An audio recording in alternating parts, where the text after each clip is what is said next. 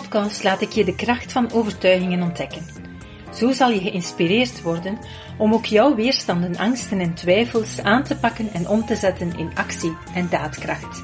Ik ben Iris Willems en ik heet je van harte welkom bij de Kracht van Overtuigingen podcast.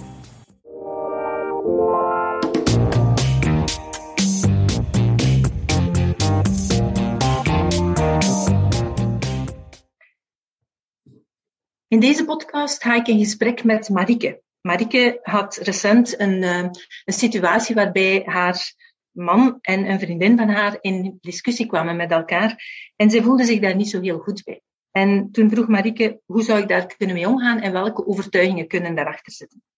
Daarom hebben we besloten om dit uh, in podcast te gaan doen, zodanig dat het voor iedereen ja, mogelijk interessant kan zijn om daar even bij stil te staan. Welkom Marike. Hallo Iris. Ja, ik, uh, ik ga meteen van, uh, van start. Ik, ga, ik duik zelfs een paar jaar terug. Want ik was met mijn man een keer in Am Amsterdam. Ik weet de situatie niet meer precies te herleiden, maar ik was daar met, met mijn man en hij misschien ook met een vriend. En mijn vriendin en ik, die kwamen daar ook even gezellig een biertje uh, doen. Mm -hmm. Het was super gezellig, raakte aan de praat en dat was zeer geanimeerd. Uh, mijn vriendin en ik kennen elkaar al vanaf mijn negentiende en mijn man kent haar ook al zo lang.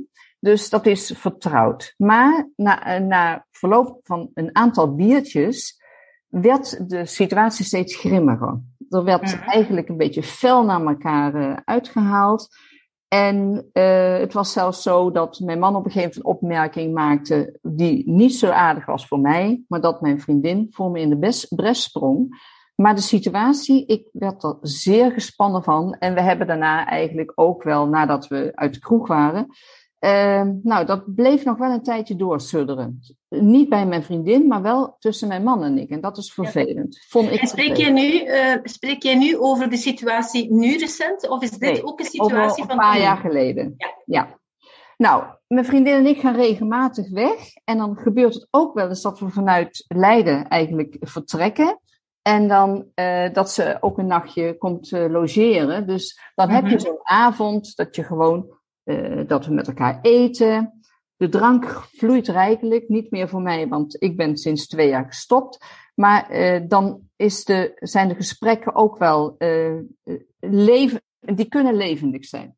Nou, nu is het recent zo gebeurd dat wij hadden een hele leuke dag. We waren naar een museum geweest, we zijn uit eten geweest, we hadden echt een hartstikke leuke dag, iets van samen 80 kilometer gefietst. Mm. Waar we allebei van houden, met de vriendin en ik, dan heb ik het over. Hè? Toen hebben we hier uh, hebben we, uh, gewoon gezellig zitten eten, zitten borrelen. En uh, nou ja, rond een uur of tien werd de situatie wat, ja, wat fanatieker. En um, nou, ik, ik luister dan vaak en ik zeg wel iets, maar ik voel dat het gewoon niet de, de, dat het de verkeerde kant op gaat. En op een gegeven moment zegt zelfs mijn man tegen mijn vriendin, edele trut. Mm -hmm. Gewoon in de discussie. Mijn vriendin reageert daarop um, door een glaasje, ze zat inmiddels aan het water, glaasje water te pakken van ik heb voor minder met water gegooid. Mm-hmm. Mijn lijf was van, van mijn haren tot mijn, het uiterste puntje van mijn tenen ongelooflijk gespannen. En ja. ik liet dat merken. Ik zeg van, ik vind dit niet meer fijn. Waarop mijn vriendin direct zei, ja, jij vindt dat nooit leuk, die discussies. Maar mm-hmm. loop niet weg, Marieke. Loop, ga niet weg. Nou, want de vorige, ik, dit is al een keer eerder in huis gebeurd, realiseer ik me nu. Dat ik zei van, jongens, gaan jullie maar lekker verder praten. Ik ga naar bed. Dus ik bleef zitten. Uh, met allebei eigenlijk dat zij het wel prima vonden om zo te praten. Het werd ook omschreven als het was een grapje. Nou, voor mij is dat, was dat niet de ervaring van een grapje. Ik voelde me hopeloos gespannen. Uh, vervolgens is mijn man naar boven gegaan, die ging naar bed. En ik bleef, bleef eigenlijk een half uurtje uitblazen, want ik was mm -hmm. echt super gespannen. Ik heb er ook slecht van geslapen. Ja. Uh, de volgende dag heb ik met mijn man er nog even over gesproken. En die zegt van, ik heb een topavond gehad. Ik vond het fantastisch om zo te discussiëren. En mijn vriendin die zegt van het was een heel leuk weekend met een heel klein dingetje wat niet zo leuk was. Ik zeg nou, ik vond dat, vond ik echt verschrikkelijk. En dit wil ik nooit meer. En uh, zij zegt ja, ik, ik, ik hou ervan dat er tijdens een discussie, dat, er, dat ik een punt kan scoren. Ik zeg nou, dat merk ik, maar ik vind dat echt verschrikkelijk. Ik word er heel gespannen van en ik ga erover nadenken. Nou, dus vandaar dat ik nu in die podcast zit. Ik heb inmiddels al, um, even kijken, ik heb wel al een aantal overtuigingen gewoon aangepakt. En uh, die heb ik ingeprent. Ik ga jou even onderbreken, Marike. Vooraleer je overgaat naar, uh, naar jouw overtuigingen die je al uh, aan het voorbereiden bent geweest. Want was, je voelt inderdaad, het is, het is iets wat jou heel erg heeft aangegrepen. Hè, dat, dat jou inderdaad een stukje onder stress heeft gebracht. En die ja, bij andere mensen ook zeker wel gaat spelen. Maar je hoort hier duidelijk in het verhaal ook dat er een verschil is in perceptie. Hè? Want jij hebt dit als heel zwaar gevoeld en iets wat jou heel erg onder stress bracht. Jouw man en die vriendin duidelijk niet of veel minder. Hè? Dus zij, zij vonden het zelfs een stukje leuk, heb ik de indruk, om met elkaar in die discussie te gaan. En jij zegt zelf ook van, dat is al meermaals gebeurd in het verleden. Dat klopt toch, hè? Ja, dat klopt. Ja, zeker. Um, wat vind je er zo, uh, wat vind je er terg staan? Wat, wat, wat gaat er door jou heen als je dat uh, ja, meemaakt?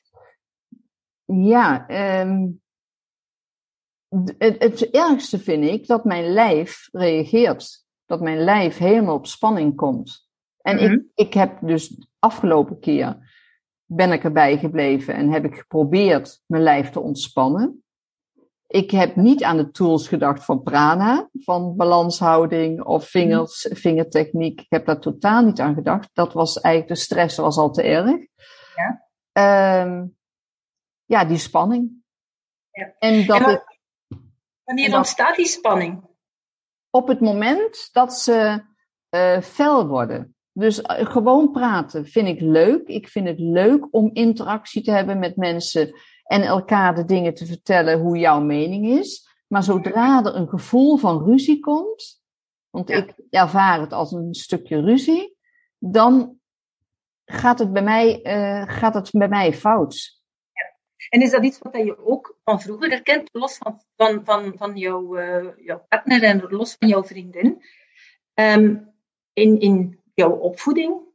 Nou, in mijn opvoeding, uh, ik, dat komt nu eigenlijk naar boven borrelen. Dat ik met uh, mijn vader, die kon, daar had mijn moeder heel veel moeite mee. Uh, als die boos was, dan was hij flink boos. En dan kon hij ook een paar dagen boos zijn.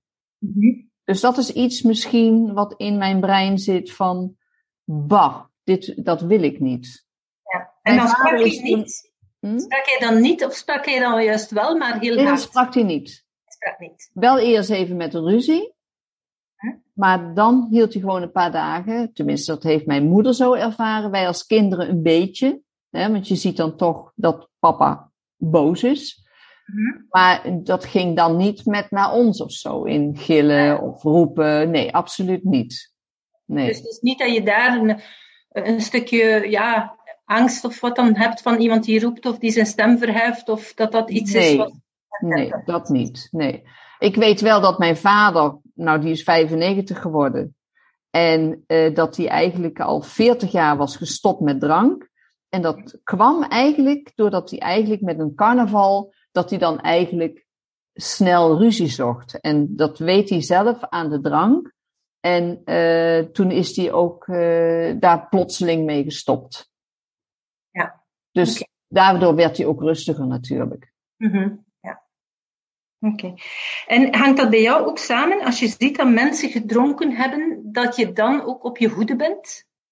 Nou ja, ik ben natuurlijk zelf twee jaar geleden gestopt. En dat komt eigenlijk ook extra door dat uh, mijn man en ik zijn 16 jaar uit elkaar geweest. En nu zijn we weer samen. En ik merkte dat uh, met praten, dat we dan sneller ruzie kregen als er drank in het spel was. En hij drinkt nog steeds en ik niet meer. En dat geeft al een heleboel uh, ontspanning doordat ik rustig blijf. En dat dan een, een, een discussie gewoon, die gaat rustig. Of ik stop ermee. als er drank in het spel is. Dus je hebt geleerd van eigenlijk um, door, te, door, door de discussie te stoppen, kan ik vermijden dat het escaleert en dat het erger wordt. En dat ik dan geen spanning voel. Dus dat, is voor mij heel goed. Ja, oké. Maar aan de andere kant hoor ik ook dat jouw vriendin zegt, jij loopt weg. En is dat dan daarop dat ze het geeft? Interpreteert zij het als weglopen als jij zegt van ik wil me er niet meer in moeien en ik wil het niet meer laten escaleren? Nee, ik ben een keer weggelopen. Ik ben al een keer, hè, eh, dat ze al een keer eerder dat was, dat ik zei van jongens, ik heb hier geen zin meer in, ik ga lekker slapen. Mhm. En daarom zei ze nu, afgelopen keer, uh, zo van, Marieke, niet weggaan. Ja. Dus ik ben blijven zitten, maar dat was niet goed voor mijzelf. Dus hier hebben we inderdaad dat dilemma. Hè? Aan de ene kant zeg je van oké, je zou willen, je bent gebleven omwille van haar, omdat zij vond van oké, blijf nu hier. Uh, zij vond dat een goede oplossing. Jij zelf was liever weggegaan en zou dan misschien ook rustiger zijn geweest. Je bent gebleven tegen je eigen wil in, om, ja, om, om maar niet te zeggen van, dat zij niet zou kunnen zeggen dat je wegliep. Klopt dat? Uh, nou ja, ik denk van oké, okay, uh, zij vroeg dat. Mhm. En toen ben ik daar op dat moment, uh, heb ik daar aan toegegeven. Ja. Maar achteraf met spijt. Want het heeft mij alleen maar spanning opgeleverd. Dus enerzijds hebben we, we hebben het stukje van omgaan met de ruzie van anderen. Hè, en anderzijds het stukje van, ja, blijf ik er dan? Als zij dat vragen, hè, um, of ga ik dan toch effectief doen wat ik voel dat ik nodig heb, namelijk ik ga naar mijn bed en ik laat ze gewoon discussiëren en dat ze het zelf oplossen. Dus, dus daarin is sowieso van belang dat je gaat voelen van, en dat geldt voor iedereen, als jij het gevoel hebt van dit wil ik niet um, en ik heb er ook niets aan en ik ga liever naar mijn bed en dat ze het zelf oplossen, dan is dat jouw goed recht. En dan is het ook belangrijk dat je in jouw overtuigingen um, als je daar nog altijd aan twijfelt, hè, en dat is blijkbaar nog wel een stukje het geval, want anders had, had je je niet laten overhalen door haar, dat je toch nog extra in jouw overtuigingen gaat, gaat inprenten, dat jij op het moment dat anderen ruzien, dat jij het recht hebt om uit de discussie te stappen en jouw eigen keuzes te maken. Ja? Um, dat geldt ook in andere discussies. Hè? Als jij zegt van oké, voor mij hoeft dit niet en ik heb niet het gevoel dat we hieruit kunnen geraken of dat er een openheid is van de andere kant om daarover te praten, dan, um, dan hoeft het voor mij niet en dan ga ik liever weg. Het is wel van belang dat je zorgt en dat je in de gaten houdt, en dat geldt ook voor, voor andere mensen dat ik dat zeg, um, dat het geen vlucht is. Hè. In mijn gevoel is het hier bij jou geen vlucht, maar een bewuste keuze. Um, maar als het vluchten is van een discussie waar je zelf in betrokken bent, is een ander verhaal. Hè. Alhoewel dat het soms in een discussie waar je zelf in zit, ook nuttig kan zijn om op dat moment te zeggen van stop, hier ga ik nu niet verder op in. Laat ons eerst alle twee even tot rust komen en we gaan het er morgen of straks over hebben. Ja, ik wil nog even een extra puntje aantippen. Uh, dat heeft eigenlijk ook wel een beetje betrekking op mijn vorige podcast van ik ben niet interessant genoeg. Ik heb vaak hele leuke, diepgaande gesprekken met vriendinnen, gewoon over gevoel, emoties, al dat soort dingetjes. En, uh, maar met sommige vriendinnen, uh, die hebben dat niet. Dat ingaan diep op die emoties. En dat heeft deze vriendin ook niet. Dat is dan wat meer algemeen. En die vinden het dan lekker om bijvoorbeeld. Uh, ja, ze heeft ook, denk ik. Maar ja, nee, dat is een invulling van mij. Een stukje dat ze eigenlijk wil laten merken van ik luister naar de radio, ik, le ik, ik nou, krant lezen doet ze niet, maar ik ben op de hoogte. En daar wil ze een stukje mee scoren, heb ik het idee. Dat voel ik iedere keer. En daarom is het ook dat ze niet uit laat praten, dat ze fel is, dat ze daar fanatiek in gaat.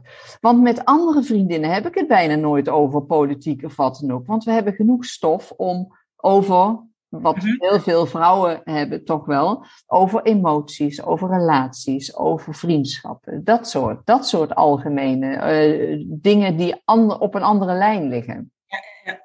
Um, maar het gaat er denk ik meer over het feit dat um, inderdaad sommige mensen een onbewuste, hè, dat is niet bewust, maar wel onbewust, een ja, neiging hebben van ik wil hier mijn punt halen. Ik wil mijn gelijk halen. Ik wil mij bewijzen of wat dan ook. Dat is niet bewust dat ze dat doen.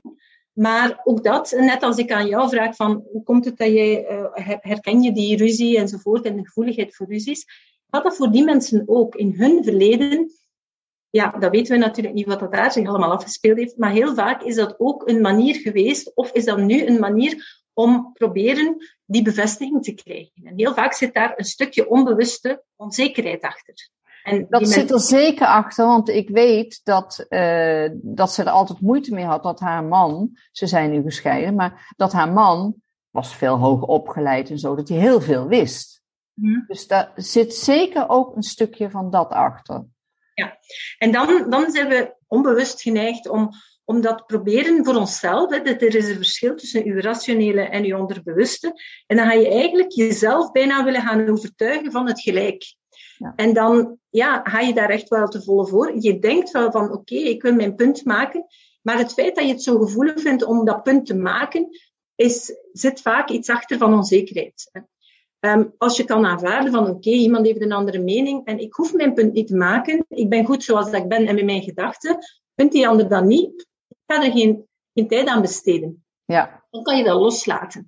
En als je dat aanvoelt, eerder als zijnde, ik wil mijn gelijk halen, dan is het, zoals je zelf aangeeft, een, een neiging tot een gevecht. Hè? En, en proberen de strijd te winnen.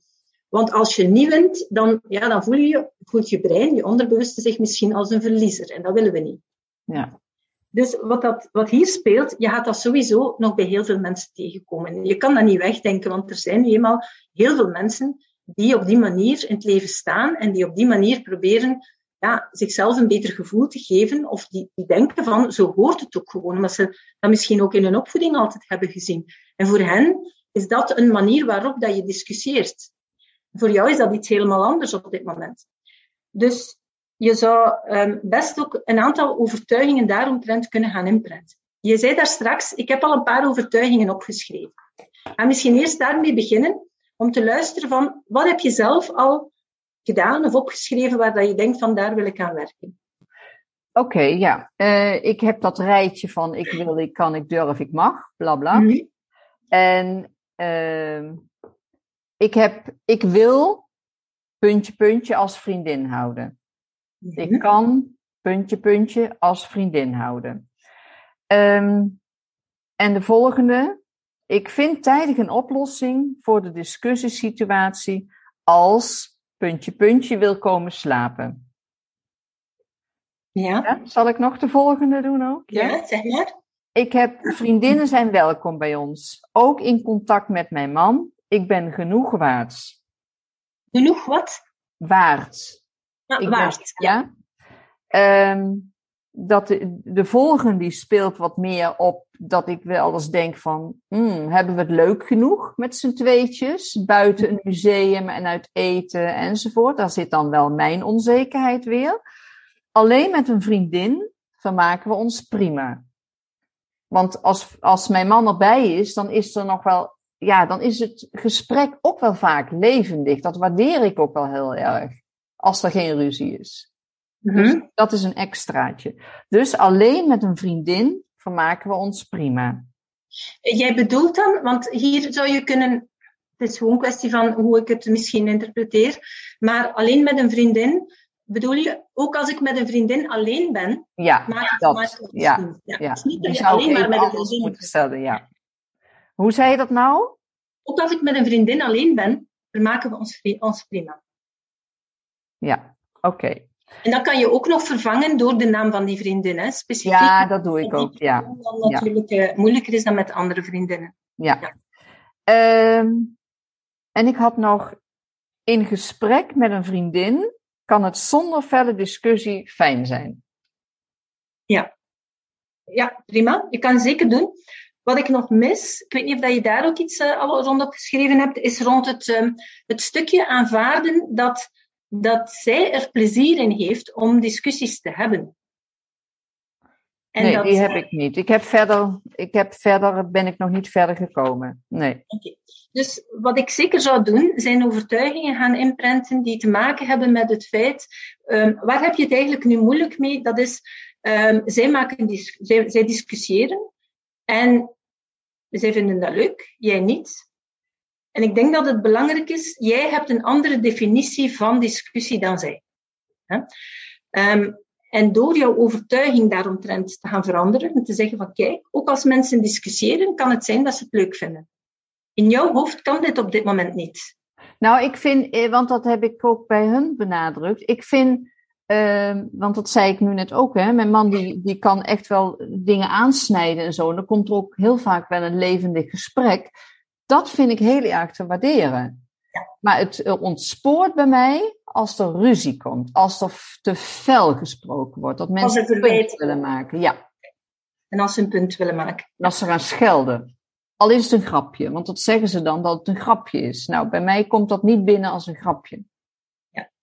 Wel, dan zou ik uh, sowieso, dat wil niet zeggen dat je er moet in meedoen, absoluut niet. Maar het is wel voor jou belangrijk dat je in jouw overtuiging die, dat kunt gaan inprenten. Dat je namelijk zegt, en je kan dat doen door terug te denken aan de, de situatie die je nu met jouw vriendin en man hebt gehad. Toen zij zei van, ik heb al voor minder een glas water in je gezicht, in iemands gezicht gegooid. En toen hij haar uh, het verwijt deed van edele trut of zoiets. Ja. En die neem je terug in je hoofd, die, die schelden, scheldwoorden. En je gaat bij jezelf de overtuiging gaan inprenten van, ik, um, ik aanvaard dat anderen een andere definitie hebben van plezier maken. Maar ik hoef er niet in mee te gaan. Dus um, dan ga je eigenlijk aan je onderbewustzijn ook aangeven van ja, er zijn nu eenmaal andere manieren van plezier maken. Die zijn niet de mijne. Ik moet die ook niet tot de mijne nemen. Maar ik aanvaard wel dat die er zijn. En als zij zeggen dat hen dat plezier doet, oké, okay, dat is hun keuze. En dan er wel gewoon bij blijven. Dat is de volgende stap. Ja. Dat is al de overtuiging gaan inprenten van als anderen onder elkaar discussiëren of uh, een punt willen maken, um, dan heb ik zelf de keuze of dat ik erbij blijf of wegga. Mm -hmm. Ja? Want dat zal een beetje ook afhankelijk zijn van de graad waarin dat Ja. het gebeurt. Ja, klopt. Um, ik ga niet zeggen dat je er altijd moet bij blijven. Als het voor jou over de grens gaat, heb jij het recht om te zeggen: sorry, maar dit, dit wil ik niet. Ik, als jullie het willen verder zetten, ik ga gaan slapen. Ja, oké. En, en, en dat je daar wel rustig kan bij blijven, dat je ze duidelijk maakt van kijk, het is, het is niet mijn ding, het blijft bij jullie. Ja? Want als jij je er gaat in opwinden en in stresseren, en je komt ertussen, heb je nog het risico dat ze zich alle twee tegen jou gaan keren. ja. Want voor hen is het fun, voor hen is het, ja, het zit in, in hun wedstrijd eigenlijk. Hè?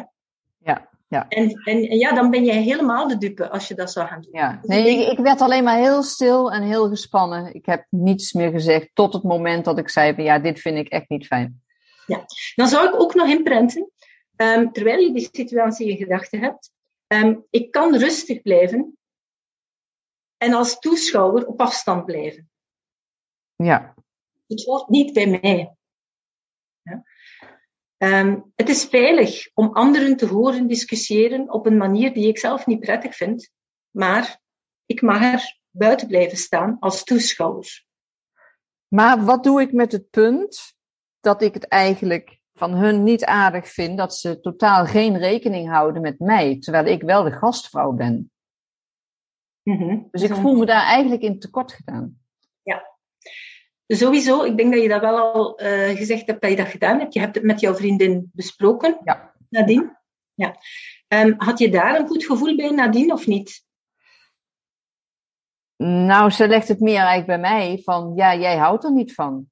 Ja, Oké, okay. en dan kan je gerust zeggen, nee, dat klopt, ik hou er niet van. Ja. Het is wel bij mij thuis en dit is in mijn huis. Dus ik zou het appreciëren als jij in de toekomst rekening houdt met mijn behoeften en mijn grenzen. Ja, maar mijn man vindt het wel leuk, dat is het probleem.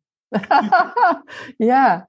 Maar datzelfde kan je ook naar je man toe zeggen, dat je inderdaad toch, dat hij op zijn minst daar een stukje rekening mee houdt dat dat, dat niet gaat escaleren. Want ja, ik, ik snap het wel hoor. Aan de ene kant, hij zit in, in, in, in het verhaal en in het plezier. En jij houdt daar niet van. Hè? Dus in, dat optiek, ja, dat is zoals dat er vele zaken zijn in, in relaties soms, dat mensen tegenover elkaar staan en dan is het wie geeft er toe. Ik denk dat het een, een afwisseling moet zijn en ook een stukje van beide kanten moet gaan komen. Dus enerzijds dat jij werkt aan die overtuiging van oké, ik ga daar rustig bij blijven en ik neem het niet te persoonlijk en ik laat het ook allemaal buiten mij. Als jij daar al aan werkt, dan ga je daar minder door getriggerd worden en minder gevoelig op reageren. En als er dan nog een klein stukje van hun kant kan komen, dat is toch inderdaad op het moment dat jij aangeeft van, jongens, uh, ik vind het nu wel een beetje erover gaan, dat ze toch wat proberen te temperen. Hè. Dat wil dan niet zeggen dat ze niets meer mogen doen, maar dat ze toch even een beetje tonen van, oké, we zijn er misschien wat over aan het gaan.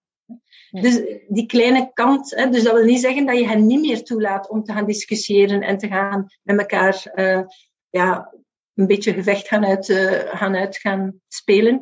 Maar, maar dat je wel duidelijk aangeeft dat het uh, jou geen plezier doet. Maar ik denk, als je zelf al werkt aan het feit dat je rustig kan blijven, ook al zijn zij in discussie, en dat het voor jou veilig is, ook al gaan anderen in discussie, dat eigenlijk het grootste probleem gaat opgelost zijn. Want het feit is dat je, je hoeft daarom niet mee te gaan en je hoeft dat ook niet plezant te vinden. Maar het feit dat dit jou triggert in iets, ja, van waar dat ook komt, maakt niet uit, dat maakt dat jij in die stress komt. En als je onder stress komt, ja, dan kan je nog minder verdragen en dan ga je nog meer zelf ook gaan reageren op een manier die niet altijd de beste is. Um, dus als je dat al kan veranderen, dat jij zelf daar niet meer gestrest van wordt en dat je het gewoon buiten jou kunt laten, dan ga je volgens mij daar ook veel minder hinder van hebben. Ja, ja dat is uh, een mooi iets om aan te werken. Ik had, eh, dat vergat ik eigenlijk ook te zeggen, dat ik die avond dat ik ook zei zo van, joh, de volgende keer spreken jullie dan maar met elkaar af. Dan kunnen jullie de hele avond discussiëren. Ja. Maar dat is natuurlijk ook geen oplossing, want het is mijn vriendin. Ja, en dan zal waarschijnlijk de funder voor haar misschien ook vanaf zijn. Oh ja, ja. ja. ja.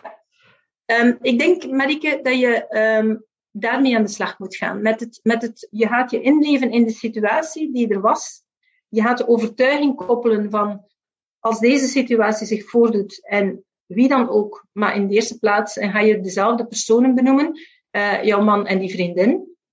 Als zij met elkaar in discussie gaan en met elkaar uh, beginnen schelden, dan um, zie ik dat als een uh, spel van tussen hen en ik laat het los. Ja. En als zij er plezier in vinden, dan laat ik het buiten mezelf, maar ik ga er niet in meedoen. En ik heb het recht om te kiezen of ik aanwezig blijf of niet. Ja. Maar ook, zoals dat we het net besproken hebben, ik kan rustig blijven en ik kan het buiten mij houden. Het heeft niets met mij te maken. Ja. Wat ook een heel belangrijk is. Ja. En dan zou ik tegelijkertijd ook oefenen op jouw kokontechniek, die we in de zelfcoaching hebben gezien. Oh ja. Om je af te schermen. Om de energie van hen buiten jou te houden. En daar de overtuiging ook aan te koppelen. Um, ik kan me afschermen van hun negativiteit en hun uh, discussie. Ja, een hele goeie. Want ik doe hem wel, maar dan niet in combinatie met deze situatie. Ja, ja heel goed. Ja, nou, mooi. En die inzichten gekregen? Ja, ik heb zeker meer inzichten gekregen. En ook, ja, ik, ik zag geen ruimte, ik zag geen opening van waar kan ik wat mee doen? Hoe kan ik het oplossen? Ja. En ik zie het nu wel, dus dat is mooi. Oh, mooi. Ja, heel goed. En ik ben, er, ik ben er zeker van, als je daar gaat aan werken, dat het jou, van het moment dat het jou daarin niet meer triggert, gaat die stress niet meer komen. En dan ga je eigenlijk, het zou zelfs kunnen, dat kan ik niet voorspellen, maar het zou zelfs kunnen, dat er voor hen het plezier een stukje af is. Want dat zij onbewust mee getriggerd worden door het feit dat jij je daarin opjaagt. Dat zou kunnen, ja. Ja. Dus kunt maar alleen uittesten en zien ja, wat het... Uitproberen. Nou ja, kijk, ik weet ook wel dat het meeste bij mij ligt. Gewoon met die overtuiging aan de gang. Mhm. En uh, wel die eigen keuze maken van, goh, vind ik dit nog fijn? Ja, en dat mag je dan doen. En vind je het ja. erover, dan ga je gewoon weg. Ja. Maar, maar het kan niet de bedoeling zijn dat je weggaat en dat je dan in je bed ligt opgefokt van de stress. ja, ja, en dat je dan de nacht wakker ligt en dat, dat jouw avond eigenlijk helemaal uh, om zeep is. Dan zou je wel moeten kunnen komen tot het feit dat je zegt van jongens, dit is niet wat ik wil en dit zie ik niet als een gezellige avond samen.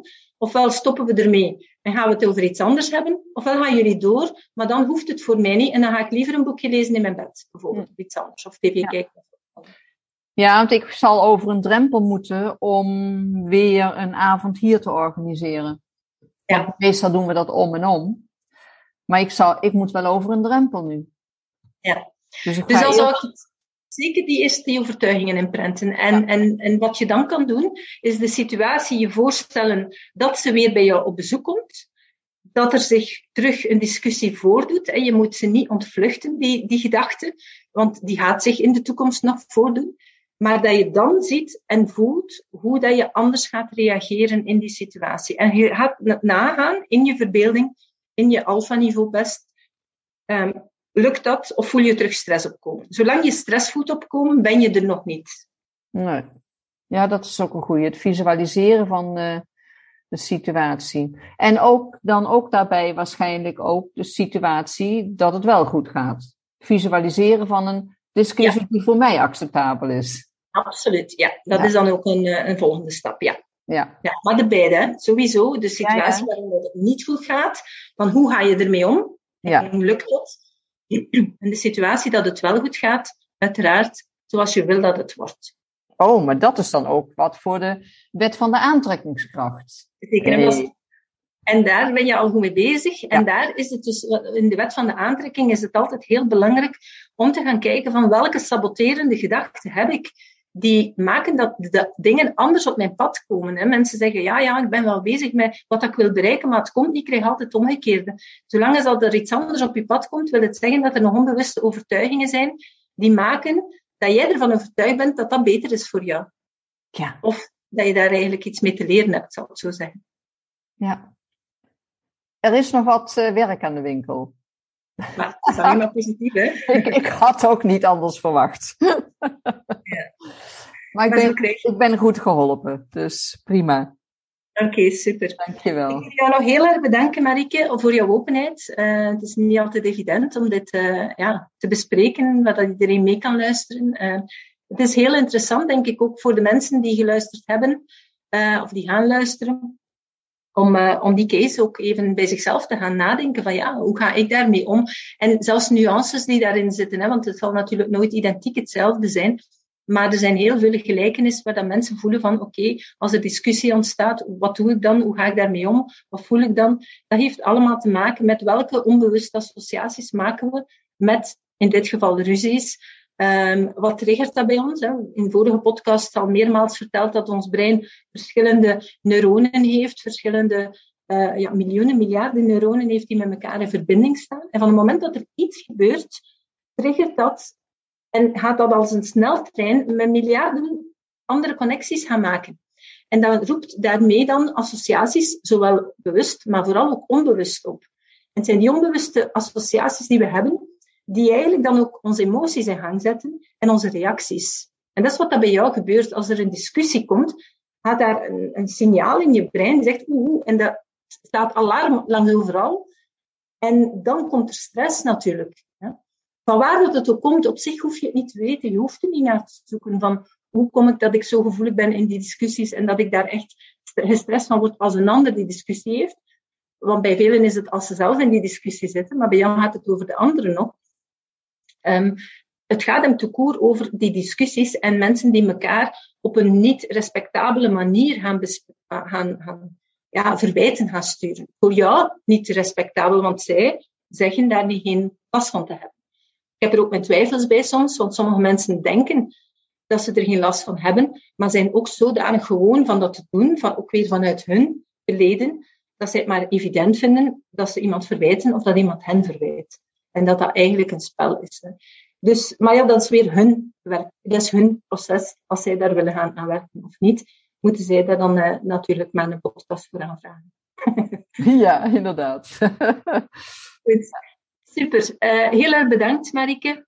Uh, ik hoop voor de luisteraar dat jullie opnieuw weer uh, geïnspireerd zijn met ja, nieuwe overtuigingen waar je kan gaan aan werken en waar je voor jezelf weer een stapje verder kan gaan zetten.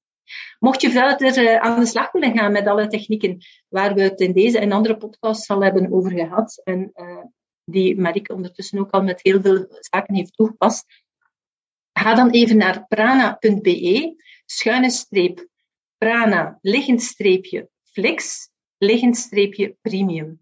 En daar vind je alle uitleg van een abonnementsformule die we hebben, waarin je eigenlijk zelf kan kiezen in een maand, een kwartaal of een jaarformule, waarbij we alle mogelijke tools die we gebruiken, alle technieken om inzicht te krijgen in je brein, hoe je je brein kan sturen, hoe je overtuigingen kan aanpakken, hoe je reacties op situaties en dergelijke kan gaan, uh, gaan bijsturen, maar ook rond uh, hoe je gemakkelijker kan in communicatie, in gesprek gaan met anderen en dergelijke.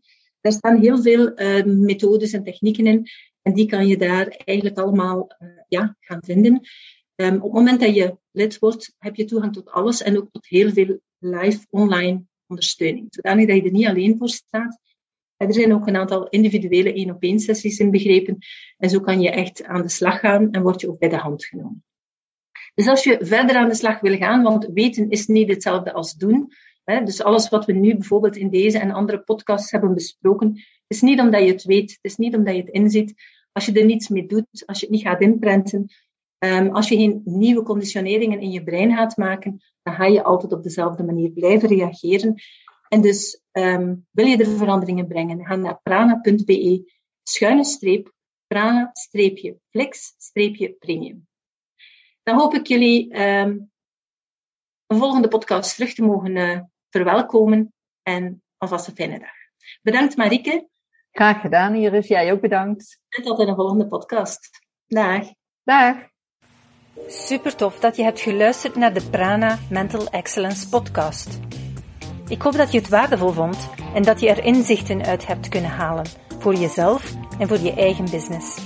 Vond je het een waardevolle podcast, dan zouden we het heel erg waarderen als je dit zou willen delen. Enerzijds door dit te delen via je eigen Instagram of LinkedIn. Maar wat we nog meer zouden waarderen als je tijd en moeite zou willen nemen om ons een review achter te laten. Werk je met een Apple-telefoon, dan kan je dat doen binnen je eigen podcast-app door daar een review te geven. Geef ons een x aantal sterren met daarbij een korte motivatie wat je van onze podcast vindt. En werk je met een Android-telefoon, dan zie je dat de meeste apps geen review-mogelijkheid hebben. Wat we dan heel erg zouden waarderen, is als je op Google Prana Mental Excellence zou willen intypen en vervolgens via de Google Review-sectie iets zou willen vertellen over Prana, wat je van ons vindt en wat je aan onze podcast hebt gehad. Alvast heel erg bedankt.